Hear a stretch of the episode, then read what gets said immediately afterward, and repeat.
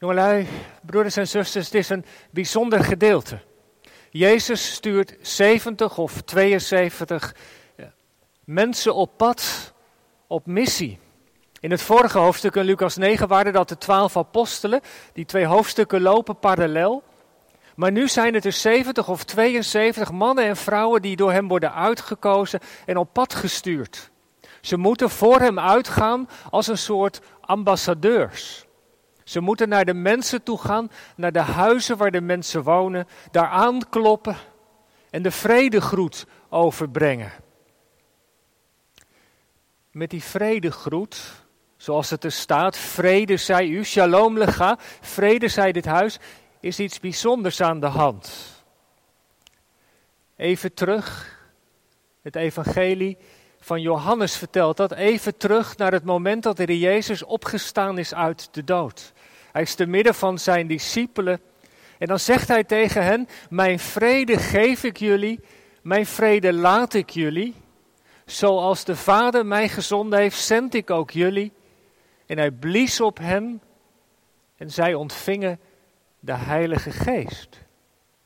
Die vrede is nauw verbonden met de Heilige Geest. Die Heilige Geest is als het ware die vredesduif.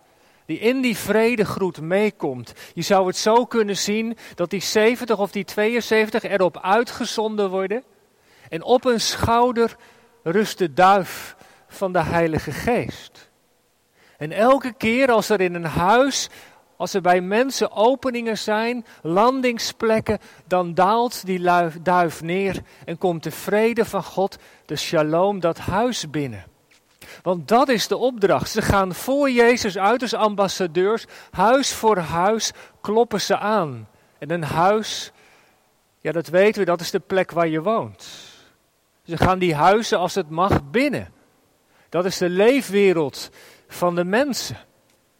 En die duif die op hun schouder zit, die zoekt landingsplekken. Landingsplekken? Ja. Als er in dat huis vragen zijn, als er zorg is, als er noden zijn, waar ze over kunnen spreken, waarvoor ze kunnen bidden, dan landt die duif daar en wordt hij zichtbaar van het koninkrijk van God. Jezus zei ergens tegen zijn discipelen, zij die gezond zijn, die hebben geen dokter nodig.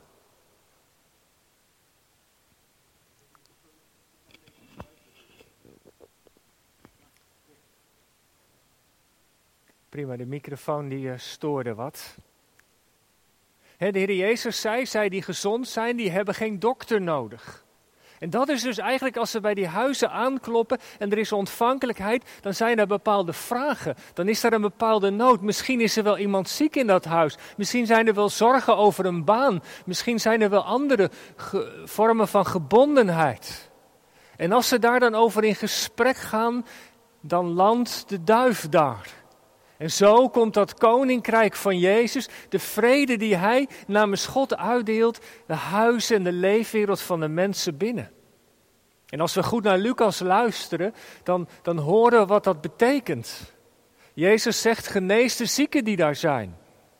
En als ze later terugkeren van hun missie, dan vertellen ze: het was zelfs zo dat wij mensen konden bevrijden van demonen, dat gebondenheid moest wijken.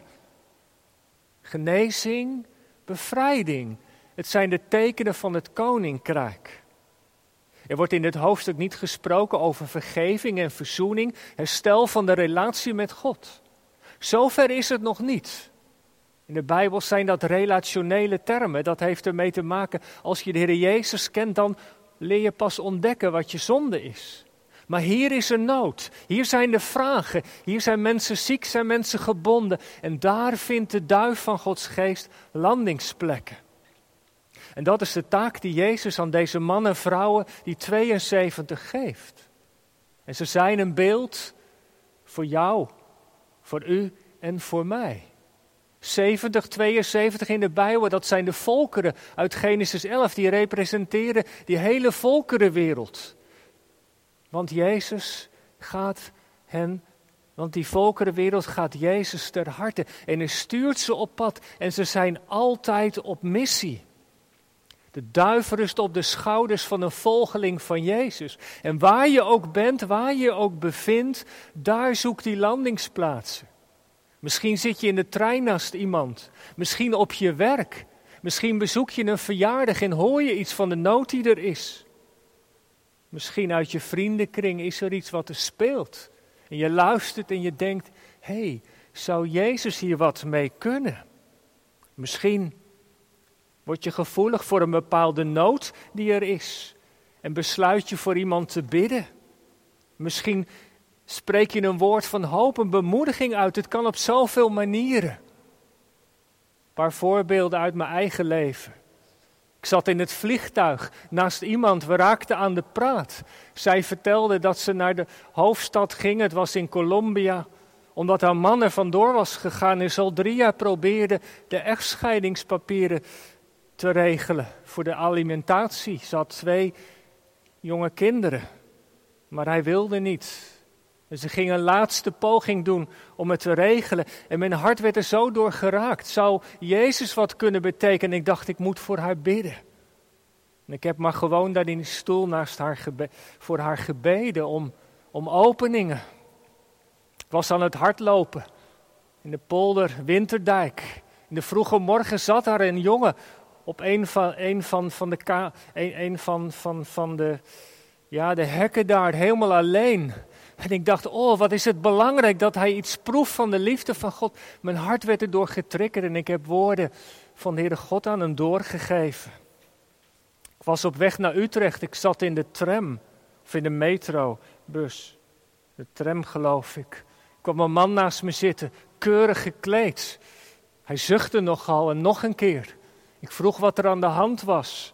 Was een kaakchirurg, ging op weg naar het ziekenhuis, had lesgegeven aan de universiteit, andere, andere tandartsen opgeleid, maar nu was hij zelf door de kanker eh, getroffen en hij ging om zijn behandeling te bespreken of er nog perspectieven waren. Wat een verhaal. In de stilte bad ik, Heere God, wat mag ik zeggen, wat moet ik zeggen? Deze ontmoeting is vast niet toevallig. Ik vroeg of hij hoop had, of, of, hij, of er iets was in een soort fundament in zijn leven. Ja, zijn moeder was wel gelovig opgevoed, maar zelf deed hij daar niks meer aan. Maar zou het nu de mogelijkheid zijn om daar toch eens naar terug te grijpen? Ik probeerde hem iets aan te reiken, kwam een lied in mijn gedachten, dat gaf ik maar aan hem door. En toen moest ik uitstappen. Je kent het wel, het zijn van zulke eenvoudige ontmoetingen. En je denkt, doe ik het goed, heb ik de juiste woorden gesproken? Maar dat is niet het punt. Het gaat erom of je het doet. Want heel vaak als het over missie, over delen van het geloof, dan is er bij ons dat ja maar, ja maar hoe doe ik dat en kan ik dat wel? Ja, jij bent dominee, voor jou is het makkelijker. Dat is helemaal niet waar.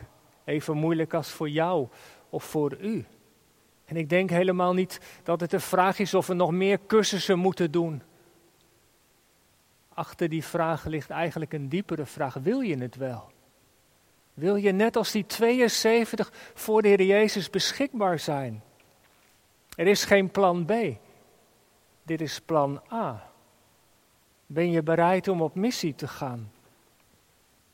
Weet je wat me zo trof in dit Bijbelgedeelte? En daar zit volgens mij het geheim. Dat was bij die twaalf zo en ook bij die 72.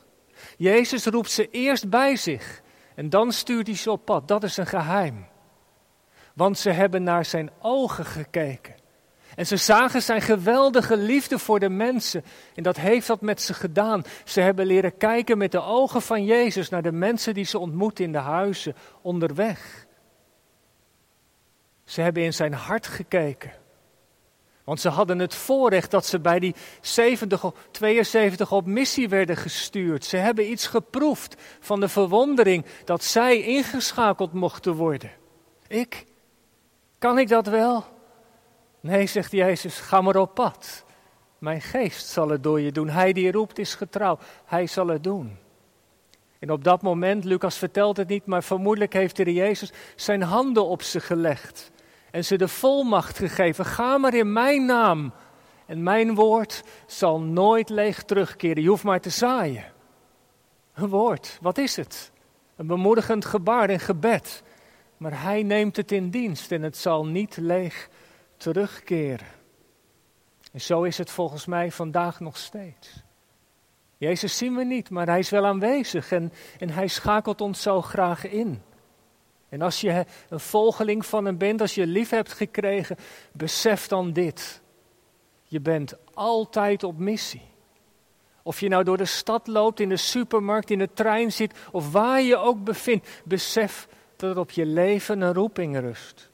Om iets van de liefde van Christus door te geven. En het kan zomaar zijn, zoals het bij mij gebeurde, dat Hij je hart gevoelig maakt om voor die ander te bidden.